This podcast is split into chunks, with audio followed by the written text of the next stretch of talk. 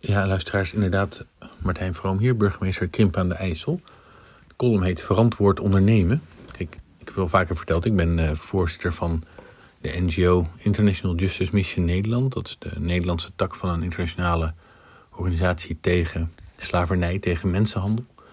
Maar zo ben ik ook betrokken bij de invoering van Europese regels over eerlijke handel. wij strijden tegen slavernij, wat in te veel landen natuurlijk nog voorkomt. En ja, tientallen miljoenen mensen zijn slaaf vandaag, van een half jaar oud tot hoge leeftijd. En een heleboel daarvoor van, van die slaven werken voor ons. Spullen in de winkel, Sinterklaastijd, kersttijd, je weet wel. om die spullen in de winkel te beschermen, of eigenlijk de mensen die eraan gewerkt hebben te beschermen, is Europese wetgeving in de maak. En dan vind ik het zelf, en dat is natuurlijk wel zo netjes als dwingende regels op Europees niveau worden ingevoerd, niet alleen in Nederland. Want kijk, als je het in Nederland alleen doet, dan benadeel je Nederlandse ondernemers ten opzichte van bijvoorbeeld Duitse of Franse ondernemers. Maar Europese afstemming zorgt voor een eerlijk speelveld.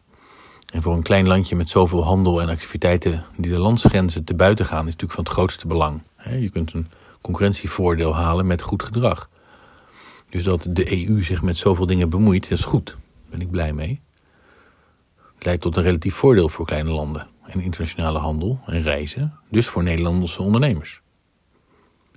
Ik had zaterdag een ontmoeting met een geslaagde ondernemer. Die verkocht elf van zijn twaalf bedrijven om te investeren in verliesleidende of in ieder geval geen winstgevende ondernemingen, her en der, duurzaamheid, heerlijke handel enzovoort.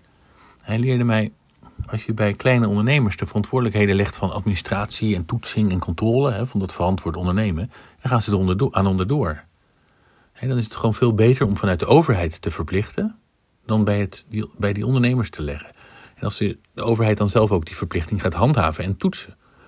Dat is boeiend om juist van een ondernemer te horen dat hij bepleit om de rol van de overheid op dat punt te vergroten. Had ik niet verwacht.